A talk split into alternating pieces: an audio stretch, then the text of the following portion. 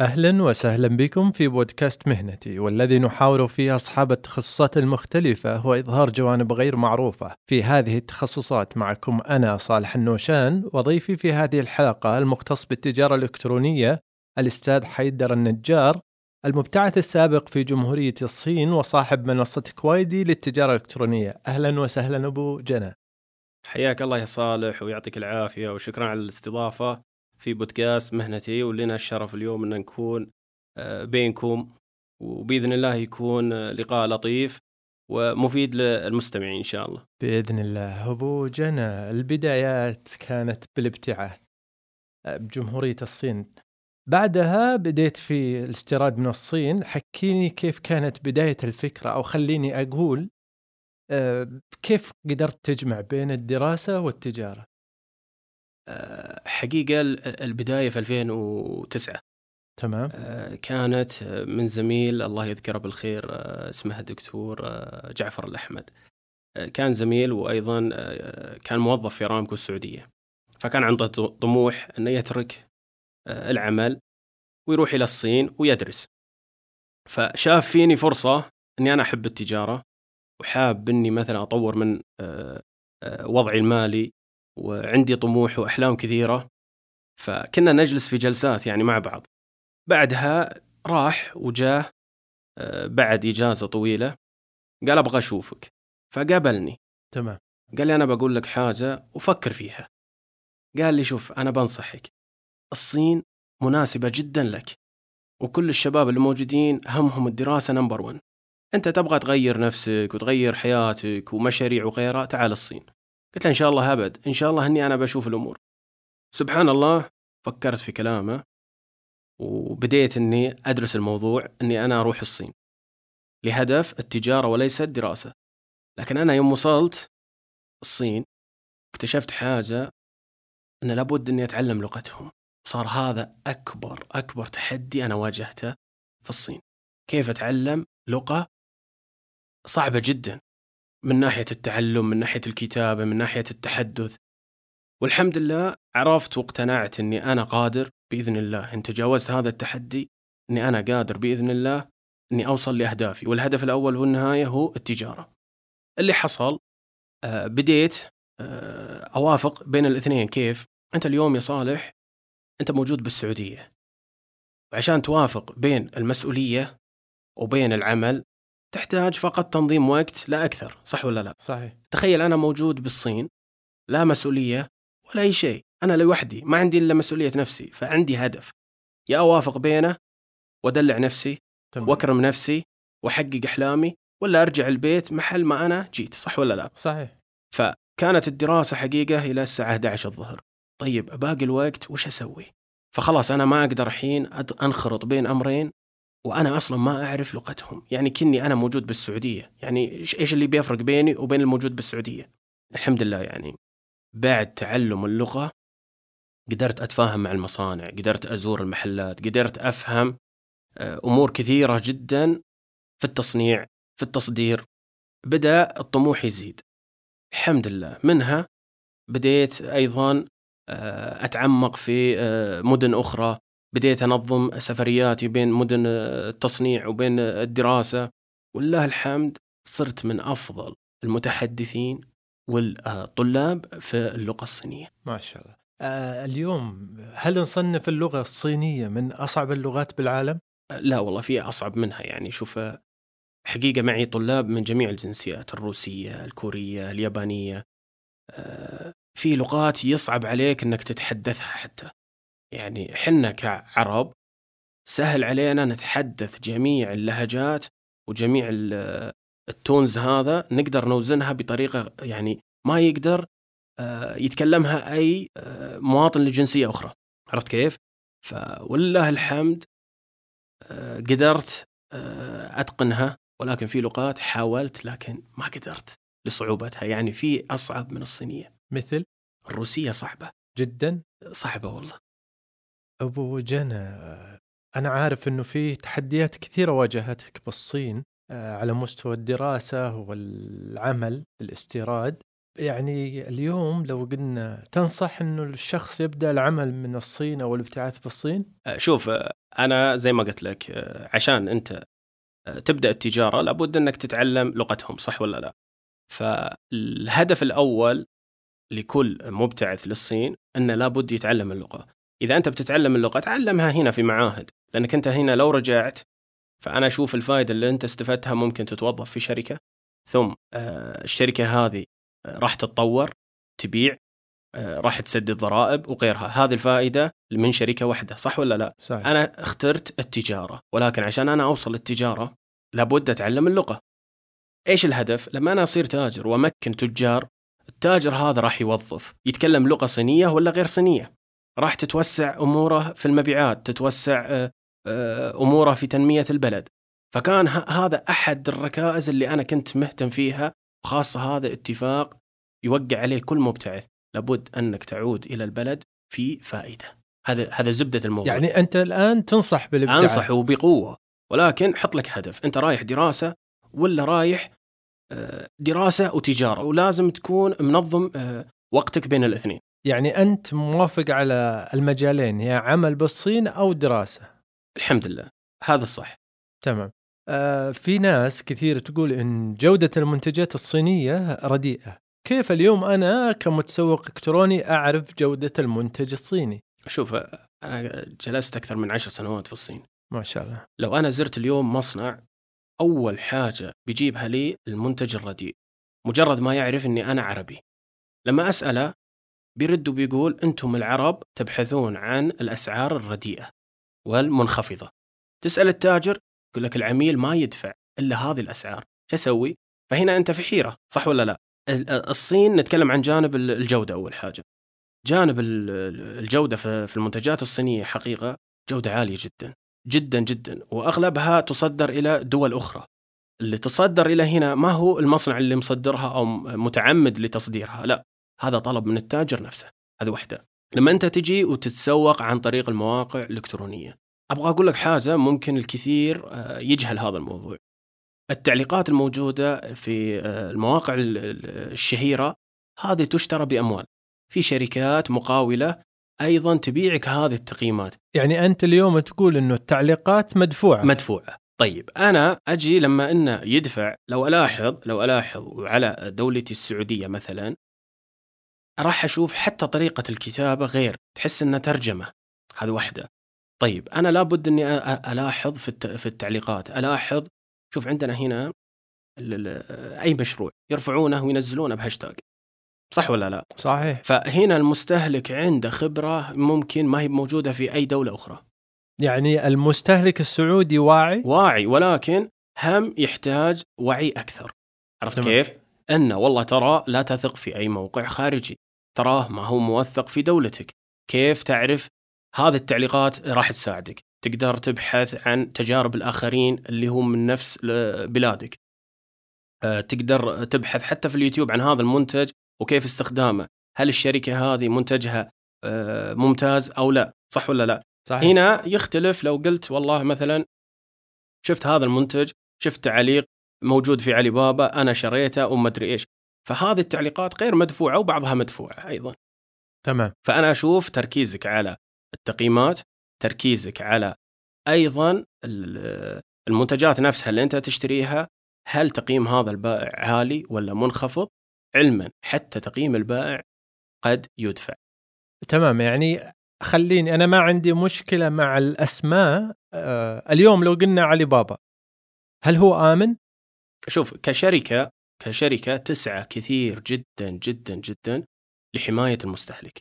تمام. شركة كبرى تبي تحافظ على اسمها أنا لو أنا محل علي بابا لا أضمن لك البائع حتى لو أنا آه، كنت كبير كشركة آه، سمعتي كبرى أبي أحافظ عليها. ولكن يعني صدقا بالله ما أقدر أضمن لك أي تاجر. آه يعني ما فيه ضامن للتاجر بالأسواق الصينيه لأنه هو في النهاية منصة وساطة يا صالح. آه تمام. يعني هو علي بابا منصة يعني مو هو هو ما يبيع هو ما يبيع. لو هو منصة أي. كأنه مول إلكتروني. أيوه مول إلكتروني مثل كوايدي مول عندنا. مول إلكتروني. أنا شركة وسيطة. أنا أعطيك الحين مثال منطقي في, في السوق آه، الفعلي الآن هنا التقليدي. لو رحت النخيل مول عندنا هنا بالرياض مثلا. تمام. هل ال- النخيل يضمن لك المحلات اللي داخل ما تقشك؟ لا. ليه؟ لأنه مؤجر. مؤجر. هو وساطة جاب لك هالمحل أنت تعال. عندك مشكلة ترجع لوزارة التجارة يحكمون بينك وبين هذا المحل وليس بينك وبين المول. طيب هل في تحكيم بالصين؟ شوف ال ال أنت كمستهلك سعودي تمام. طيب ما راح تقدر توصل لوزارات التجارة بالصين بسهولة. تمام. هذه أحد المشاكل لابد أنك توعي وتكون آه، واعي لها فعلا. يعني قبل لا تدفع دراهمك لابد أنك تعرف كيف تقدر تاخذ حقك لو حصلت عملية نصب فعلية؟ التجارة الإلكترونية اليوم لها توجه كبير آه، وانت أحد ملاك منصات التجارة الإلكترونية آه، اللي هي كوايدي. إيش أهم ركائز التجارة الإلكترونية؟ شوف يا صالح آه، خلينا نكون صادقين وشفافين اليوم أنا إيش- يهمني؟ عشان أستمر في البيع. يهمني أول حاجة كسب ولاء العميل. أنا مثلا كمنصة إلكترونية طيب آه، أنا يهمني مثلا كثير طرفين العميل والتاجر. ليه؟ لأني أنا منصة وساطة. صح ولا لا؟ صحيح. اليوم أشوف أنا ال- ال- المواقع الصينية تفوقت بشكل كبير في جانب وفشلت في جانب. ال- ال- المتاجر السعودية نجحت في حاجة وفشلت في حاجة. لابد إنهم يتعلمون في آه، إيش ال- الجانب اللي هم مقصرين فيه عشان فعلا يكون الركائز عندهم مكتملة أنا اليوم كمتجر إذا أنا تاجر ما أعرف أوصف منتجي خصائصه تفاصيله مواصفاته صح ولا لا؟ فأنا تاجر ما أعرف منتجي وشو طيب إذا أنا صاحب صاحب الصنعة إيش أقول عن العميل؟ العميل ما راح يشوف إيش المواصفات الموجودة متكاملة قد إنه حتى ما يشتري المنتج يعني ما في شفافية ما في مصداقية ما في أي وضوح. طيب المواقع الصينية نجحت في هذا الجانب لكن لاحظ أن العميل بعد الشراء لو واجه مشكلة في استرجاع المنتج هذا التاجر ما راح يرد عليه صح ولا لا؟ لكن عندنا هنا بالسعودية لا راح يرد عليه راح يحاول إنه يحل المشكلة. غير كذا مسجل في معروف. آه، غير كذا وزارة التجارة راح ترسل له تنبيه ان ترى عندك مشكلة عندك بلاغ حاول تحله. صح ولا لا؟ صحيح. فعندهم عندهم آه، دعم كبير وحماية للمستهلك آه، بينهم وبين آه، وزارة التجارة لكن ما عندهم الجانب اللي هو الأهم من كل ذا. كيف ما توصف منتجك اللي نفسه نفس العميل ما قاعد يلمسه أنت ما قاعد توصفه المنتج ما هو واضح لا صورة عدلة لا مواصفات واضحة صحيح يخليه حتى ما يسألك شوف ال- الركائز باختصار الشفافية والمصداقية هذه تكسب ولاء العميل. يعني يحتاج آه، خلينا نقول الركائز هي طريقة بناء المنتج الإلكتروني. بس ببساطة. إدارة العلاقة بين المنصة الإلكترونية والمشتري آه، مهمة. أكيد. هل هي تحتاج إلى استراتيجيات شاملة أو أحتاج آه، تخطيط مؤسسي؟ أبي أعطيك نبذة مثلا بسيطة من عملنا. بعض الأحيان نشوف أن العميل مخطئ ولكن حنا نصف بجانب العميل فقط لتهدئته ليه؟ لأن في النهاية لو حنا خسرنا هذا العميل بسبب تاجر واحد قد إنه ما يجي حتى لهذه المنصة صح ولا لا؟ فلا بد إحنا يكون عندنا أساسيات كيف نتعامل مع هذه العملاء آه، كيف نواجه المشاكل ونسوي تحكيم بين التاجر وبين العميل أعطيك أنا مثال اليوم عميل شراه منتج آه، من تاجر. إحنا ما ندري إن هذا التاجر هل هو قام مثلا بالتواصل معه؟ هل آه، سأله كيف آه، كيف رأيك بالمنتج ولا لا؟ طيب هذه جوانب من اللي يقوم فيها؟ يقوم فيها تاجر. طيب إحنا كجانب منصة إلكترونية إحنا ممكن نطور عملنا من الجانب التقني. نعطي شعار قيم لنا هذا المنتج قيم لنا الخدمة قيم شركة الشحن. عشان حنا نطور من أعمالنا. لو جاتنا شكوى حنا ما نقصر مع أي عميل أو حتى مع أي تاجر. حتى لو تواصلنا مع التاجر. حنا نعطيه خبر. على على أي أساس نعطيه خبر أن هذا العميل نعرف أن حنا هو مخطئ بس لابد أن إحنا وياك نتعاون ونشوف الحل الأمثل اللي يرضيك ويرضي. ما نبغى التاجر يحس أنه هو يبيع في منصة وقاعد يحس بالظلم. فهمت قصدي؟ بعض المنصات وأنا بعت في منصات موجودة. حتى لو أنت أو هم قدمت دليل أن هذا العميل للأسف الشديد للأسف الشديد مخطئ 100% أبد. يقول لك أنت المخطئ. كذا أنت كتاجر تعاف أنك تشتغل في هذه المنصة صح ولا لا؟ صحيح. فعندنا استراتيجيات كاملة وخطط بالكامل كيف التعامل مع التاجر أو مع العميل. بدونها كذا حنا فشلنا كمنصه وساطة. آه العوائق اللي تواجه التجارة الإلكترونية اليوم بوجهة نظرك؟ ما في مشروع ما في عوائق. لكن خلينا نتكلم أنا- عن الأهم. أنا أبغاها من وجهة آه. حيدر النجار إنزين. آه عندي نمبر 1 آه هي الدفع عند الاستلام. تمام. شلون؟ آه بعض الشركات الدولية ما عندها القدرة إنها تجي وتفرض آه الدفع الالكتروني مباشرة من هنا بالسعودية. فقاعدة تستخدم شركات توصيل وغيرها بالدفع عند الاستلام. طيب؟ تمام. فهذا أنا أعتبره تستر. هذا تستر تجاري. ليه؟ إذا أنا قاعد أستلم وأحصل أموال إلى شركة خارجية وأعطيها فلوسها أوكي أنت ضفت خدمة مميزة صح ولا لا؟ طيب إيش فائده التوثيق هنا بمعروف؟ إيش إيش فائده آه، حماية المستهلك؟ إيش دورهم هنا؟ فإذا هم ما لهم دور صح؟ صحيح. أجل كذا الدفع الإلكتروني ما له دور. صح ولا لا؟ صحيح. أنا من يحميني أنا كتاجر اليوم لو أنا شحنت وقلفت وسويت ورتبت ودفعت وفي النهاية ما استلم الشحنة. هذا أول عائق. وهذا السؤال منطقي يعني ليش أنت ما فعلت الدفع عند الاستلام أعطيك أنا مثال. تفضل. وهذا واقع. أنا اليوم أقدر آه، أتحايل ببساطة عليك أنت كمنافس. أنا أقدر أتعاون مع شركات وموجوده هنا بالسوق محليا وخارجيا. شلون؟ اليوم يا صالح أنا أقدر أتواصل معهم بكل سرية. أبغاكم تسوون دفع عند الاستلام في هذا الموقع في وقت عروضهم. اشغلوهم سووا لي 1000 2000 3000 طلب. الشركة هذه مبسوطة اللي هو شركتك تمام. الشحنات. طلعت. أنت ملتزم بالتزام كامل مع شركات الشحن أنك راح تدفع الشحنات حتى لو مسترجع. تدري ولا لا؟ دخلت في خسارة التقليف وغيرها. كل هذه ال ال ال ال الأشخاص اللي اللي place order هذا كلهم طيب وهميين. فعلا وهميين. هل في أحد يلزمهم إنك أنت مجبور تستلم المنتج؟ لا أنا ممكن أفتح المنتج ما جا ما عجبني طيب أرجع. أنا من من يحميني لما أدفع التكلفة هذه كلها مع 1000 2000 3000 order ضرب مثلا 15 ريال قيمة المسترجع. تخيل أنت بتدفعها وأنت ملتزم وإذا ما التزمت في الدفع الشركة هذه ممكن تلقي عقدك. أنت كذا خسرت أحد وسائل الشحن. يعني نلخص الموضوع أنه أهم عائق الدفع عند الاستلام هذا واحد. تمام. ال- ال- العائق الثاني شركات الشحن ما في سياسة لأسعار الخدمات. في لحظة تشوف موقع ما يبيع له طلبيتين أسعار الشحن عنده مثلا خلينا نقول 15 ريال من نفس الشركة. الشركات اللي عندها 1000 2000 طلب سعر الشحن مثلا آه، 25 ريال. آه، أيوه يعني ما في أيوه ما في سياسة واضحة للأسعار أو طريقة تقييم هذا العميل بعد فترة نموذجية أو مدروسة. على أي أساس أنت أعطيته هذا السعر؟ كذا صار إنه يجلب عملاء. أنا ما أقدر أجلب عملاء لأن ما في سياسة.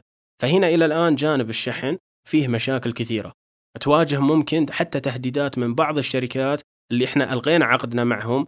يقول لك آه إذا ما جبت الطلبات هذه في الشهر الفلاني أنا ألغي العقد. على أي أساس؟ على أي أساس؟ هذا التهديد ما كان بند موجود بيني وبينك في الاتفاقية. هذا بند خارجي ما تقدر تشتكي عند أي جهة موجودة. آه، لكن أبو جنى ممكن نفس المتجر هو اللي رفع سعر الشحن عشان يكسب من هنا ومن هنا.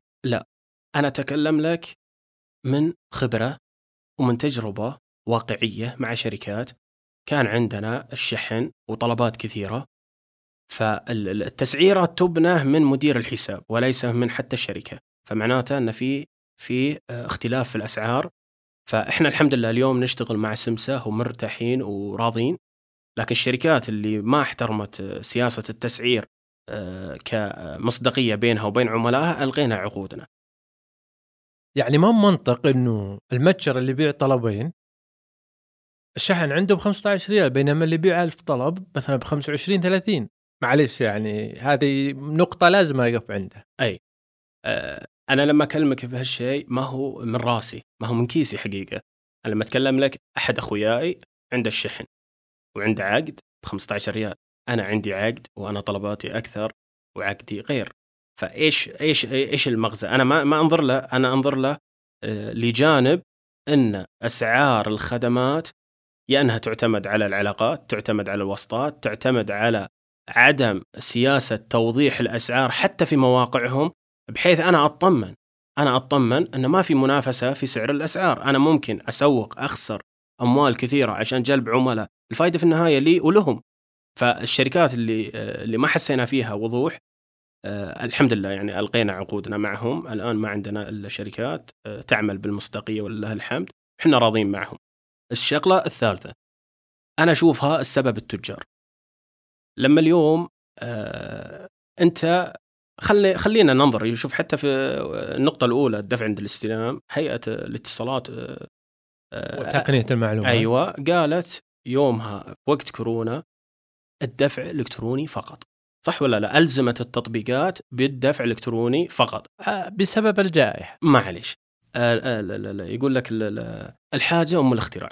تمام. طيب إذا أنا أبى أقدم منتج وبيدفعون ورسمه مدفوع وأنا موثق ويقدر يقدم عليه بلاغ إيش اللي يمنع ما يدفع بالدفع الإلكتروني؟ فهمت قصدي؟ أي نعم. أيوه. فدامنهم هم قبلوا بالدفع وقتها بيقبلون بالدفع بعدها. يعني هي أيضا سياسة تجار ما في تعاون. لابد حنا كتجار نلتزم كلنا إلى طريقة معينة ونثبت وجودنا. نفس اللي الان في النقطة الثالثة. التسويق. التسويق أنا شخصيا أعاني منه. أنا لما أسوق وأدفع مبالغ كبيرة كشركة في آه، في مجال التسويق السوشيال ميديا ما راح ممكن أوصل لنفس الأشخاص اللي أنا راح أوصلهم عن طريق المشاهير. نجي للمشاهير. المشاهير بالعكس فيهم الخير والبركة وما أقدر أنا أذمهم. فيهم اللي, اللي عنده محتوى واللي ما عنده محتوى يعني.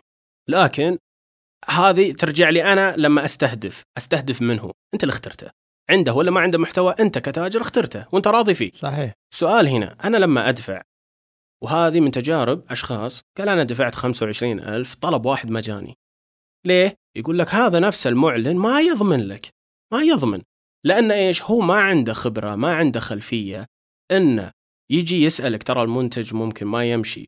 ممكن آه، فيه مشكلة. ترى سعرك عالي أنا عندي خبرة أعلنت لغيرك يبيع بهالسعر كذا. ما عنده مصداقية في الموضوع. ليه؟ لأن موضوع تنسيق ما تنسيق خلف الكواليس.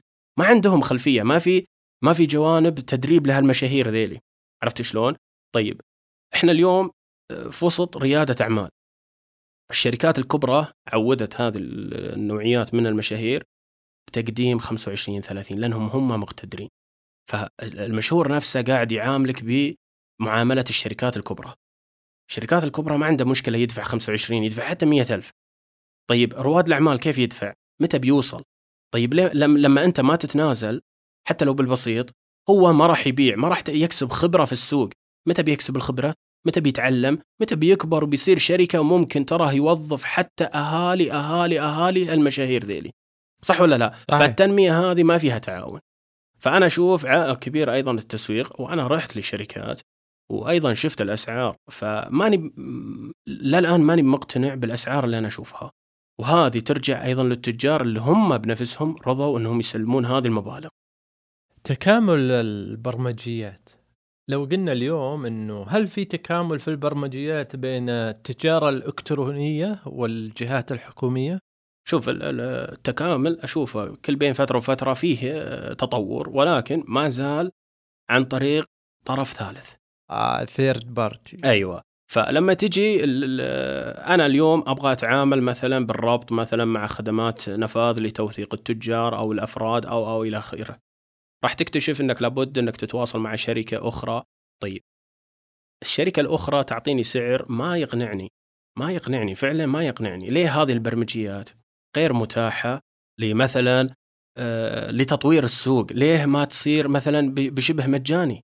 هذه راح تزيد من مصداقية التجارة الإلكترونية راح تخلي الكل آه، حتى يعطي معلومات آه، أكثر وداتا توصل إلى الجهات المعنية لما يكون آه، الربط مثلا خلينا نقول مثلا أنا اليوم عندي خلينا نفترض عندي تطبيق توصيل لما أربط مع جهة توصل لهم معلوماتهم بناء على الإقامة أو رقم البطاقة إيش اللي يصير يا صالح؟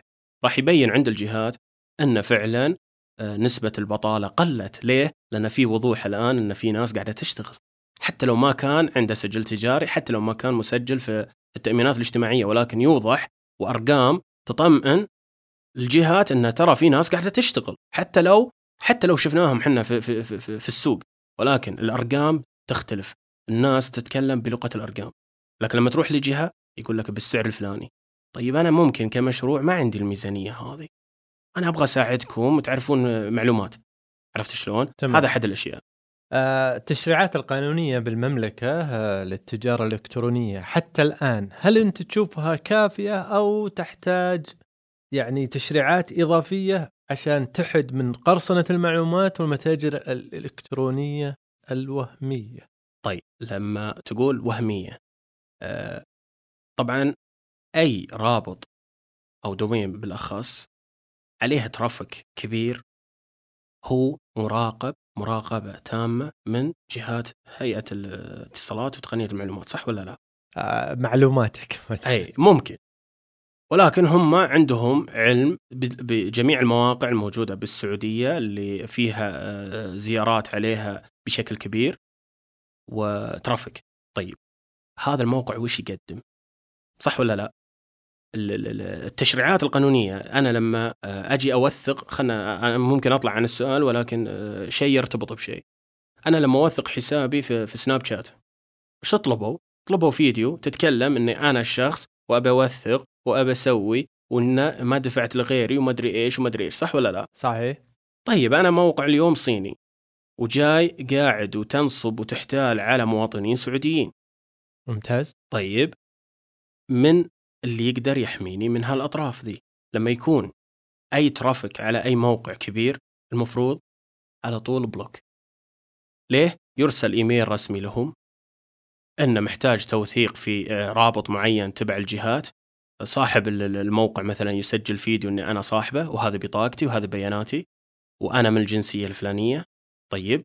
وأشياء كثيرة تخليهم يعرفون إن هذا الموقع وقع على اتفاقية قانونية تخلي مثلا الجهات المعنية عندنا تطالب بحقوق المواطنين السعوديين. هنا أي موقع راح يحسب مليون حساب ضد أي نقطة يفكر فيها يحتال على أي مواطن سعودي. فهمت قصدي ولا أي لا؟ نعم هذه أشياء وأفكار أتوقع إن هم مو غايبين عليها. الشيء الثاني أنا اليوم أواجه مشكلة. أنا عشان إني أحمي الداتا هنا بالسعودية وأخلي المواقع الإلكترونية موثقة وغيرها. لو أنا خليت السيرفرات آه، للمواقع السعودية أو المواقع الموجودة هنا مثلا بسيرفرات آه، سعودية هنا في مشكلة. موجودة بعض الشركات لا في مشكلة. شو المشكلة؟ حصلت في أيام كورونا. تفاجأ البعض أن تم توثيقه في آه، أنه مسموح له أنه يعمل في وقت كورونا عشان أنه إيش؟ لأن الإجراءات طويلة وبتطول والمواطنين محتاجين الخدمات صح ولا لا؟ صحيح لكن أشعر جميع التطبيقات ومن آه، تجارب بعض الإخوان انه والله جانا إشعار لابد توثقون بناء على الإجراءات ولكن إحنا سمحنا لكم وما قصرنا معكم الآن لا تقصرون لابد أنكم تلتزمون بالإجراءات. البعض الآن ما يقدر يلتزم، إيش الأسباب؟ السبب الأول أنا لما أحط سيرفراتي هنا بمستضيف سعودي طيب تكلفة علي أضعاف خمس مرات عن التكلفة اللي أنا كنت أدفعها. طيب تمام. قد تكون السرعة أفضل. أول. تمام. اي هنا في مشكلة. المشكلة هنا قد تكون أسرع قد تكون أبطأ. طبعا عندنا في آه، شركات أيضا آه، للاتصالات تقدم ترى الخدمات هذه. لكن هل صحيح. تكاليفها وهل هل التكاليف هذه بتتغير علي ولا بتبقى نفسها؟ غير كذا بتكون حماية السيرفرات هذه دام إنها موجودة بالسعودية بعد أتوقع إنها بتكون أعلى. تمام. لكن التكلفة عائق. عرفت كيف؟ تمام. فالتشريعات حقيقة كثيرة كثيرة جدا وفي ما زال ما زال كثير من الجهات تحتاج. أنا شخصيا أنا شخصيا واجهت مشكلة وإلى إلى يومنا هذه ما حصلت لها حل. آه، شوف أنا عندي خبرة وشايف آه، الأمور النصب والاحتيال أنا حصلت لي آه، شخصيا أحد الأطراف مثلك يا صالح عندك شركة دفع إلكتروني وتكلمني كل يوم. أكيد إني أنا بصدقك وأكلمك واتساب. وإحنا طبعاً. قاعدين نجرب موقعك اليوم وتجرب موقعنا عشان يصير ربط إلكتروني. اللي حصل أنت كلمتني وقلت لي يا حيدر أنا قاعد أجرب ببطاقتي وما ضبطت. أبغى أجرب بطاقتك عشان نجرب عشان نطلق لايف فهل أنا ما صدقك؟ أكيد إني بصدقك لأن فعلا قاعدين نتكلم عن الموضوع لنا أسبوعين ثلاثة صح ولا لا؟ وأنت مدير الشركة. فجاني واعطيته ال- البطاقة وجاني سحب مع إني قلت له بس ريال وجاني سحب كبير صراحة. جاني كذا رسالة من أحد شركات ال- الدفع الإلكتروني الموجودة بالسعودية موثقة من مؤسسة النقد. اللي حصل وقفت بطاقاتي وكل حاجة. إيش اللي صار؟ تواصلت مع أيضا الشركة هذه. بدون ذكر اسامي تواصلت معهم. قالوا فعلا في أحد سحب آه، بطاقتك والمبلغ الفلاني وكذا. طيب من هو اسمه؟ قال ما أقدر أعطيك إياه. يا رجل بطاقتي وسحب منها عطني اسمه. قال ما أقدر أعطيك. آه، نتكلم عن نفس الشركة. ه- ه- هذه الحين. قلت لهم يا رجال اللي سحب ما هو الشخص ال- ال- المعني. هذا كلمته يقول لي مهكر حساب الواتساب. عطني الاسم. قال لا ما أقدر. في شروط علي إني ما أقدر أسلم البيانات هذه. طيب وين أروح؟ قال لي سما تهتم. طيب بالعكس أنا نفتخر إن نروح ونقدم طلب آه، عن طريق سما قدمت طلبين يرد نفس الطلب ما في إمكانية إني أنا أستلم أسماء الأشخاص اللي حولوا واللي تحول لهم وفي نفس الوقت إيش اللي صار؟ روح للجهات يعني مثلا الشرطة وغيرها إلين توصل القضية إلى مطالبتنا إن نعطيك الاسم. بطاقتي. فهذه ال- ال- مجرد ما أشوفها أنا أنا الحين اليوم كشخص تم الاحتيال عليه حتى لو كنت خلينا نقول ما كنت مستوعب الموضوع. غيري أعظم. صح ولا لا؟ طيب إذا ما في أحد بيطمنهم إن هذه بيانات الشخص اللي أنت طلبتها إيش اللي بيصير؟ أنا أقدر أقدم عليه لأن أنا لما أرفع أصلا الجهات مثل الناجز والمحاكم يطالبني باسم المدعي عليه ما أقدر أكتب مجهول ولو كتبت مجهول وش بطاقته فهنا ضاع حقي فهذه أحد التشريعات اللي آه، يعني الواحد يتمنى أنها تتغير وتصير أوضح لكن أتوقع إنه أول جهة لازم تتوجه لها بعد. الاحتيال الإلكتروني الشرطة صحيح؟ أي. آه، أبو جنى أبغى بشكل مختصر إيش هي منصة كوايدي؟ آه، كوايدي باختصار أقول لك شبيهاتها يعني كلنا نعرف موقع شهير المنصة الشهيرة علي اكسبريس والتاوباو الصيني اللي هو نفس علي اكسبريس ولكن آه، النسخة المحلية للصين. آه، أيضا آه، نعرف مواقع كثيرة شبيهة. كوايدي هي مول إلكتروني يجمع التجار في مكان واحد يقدم لهم متجر إلكتروني متعدد التصاميم بأقل التكاليف بل أقل تكلفة موجودة بالسوق السعودي الآن. آه، أجزم لك هالكلام. يقدم له خدمات الشحن بالكامل مجهزه ما تحتاج تع- تتعاقد ولا أي شيء ما تحتاج حتى سجل تجاري حتى لو عندك وثيقة العمل حنا ندعمك حتى لو كنت أسر منتجة حنا ندعمك مفعلة تامة. آه، أيضا شركات الدفع الإلكتروني ما تحتاج منك حساب بنكي ما تحتاج منك أي شيء حسابك الخاص اللي أنت عندك أنت اللي بتستخدمه عشان تستلم أموالك. كل الفواتير موثقة ومسجله على إيراداتك مبيعاتك كل حاجة. آه، من جهتنا حنا ندفع الضريبة. وأنت من جهة جهة إيراداتك وغيرها إذا كنت مطالب ومكلف بالضريبة فإنك بتدفعها. آه، أيضا نوفر لك لوحة متكاملة فيها جميع المزايا والخدمات بدون أي تفرقة بين الباقات. آه، نوصلك العملاء أكثر. نقدم لك خدمات ترى ما تتخيلها ما هي موجودة حتى في مواقع أخرى بعض المواقع ممكن تكلفك سنويا 4000 5000 6000 إحنا موفرين لك كل الأشياء اللي أنت تتخيلها مجانيه ما شاء الله. وش معنى كوايدي؟ آه، كوايدي هي كلمة صينية. أنا أخذتها آه، طبعا إحنا عندنا حب في, في, في الشراء. وتعرف آه، التجارب وفي نفس الوقت آه، أنا استخدمت الشراء والبيع. فكنت أنا أشتري بس لأطراف أخرى وأصدرها لهم وأنا في الصين. فكان كل ما طق علي الباب يقول لي كوايدي يعني delivery man مثلا أو زي كذا بس يسميها كذا هي اكسبرس يعني شركة توصيل آه، توصيل سريع زي كذا لها أسامي كثيرة. يعني هي كلمة صينية. كلمة صينية. فأنا اخترتها وأنا في الصين. فقلت إن شاء الله أبى أسمي الشركة كوايدي ما شاء الله. أبو جنى سعيد جدا بشرف استضافتك على الصعيد الشخصي. أنا آه، كصالح النوشان باسمي واسم فريق العمل في بودكاست مهنتي. نشكرك بما أثريتنا به في هذه الحلقة حول التجارة الإلكترونية. أتمنى من المستمعين أن يستمتعوا بهذه التجربة الشخصية الفريدة. أما أنا أصل إلى نهاية اللقاء معكم صالح النوشان ولنا لقاء في حلقة قادمة من بودكاست مهنتي. يعطيك ألف عافية يا صالح وشكرا لك على هالاستضافة ويعطيكم العافية جميع فريق العمل. وأتمنى لكم كل التوفيق. آه، والله يبارك لكم في جهدكم ووقتكم. وما تقدمونه لرواد الأعمال. الله يعطيك ألف ألف عافية وشكرا لكم. الله يعافيك. أبغى القفلة بالصيني إنه إلى اللقاء. زي جين. شيشينيما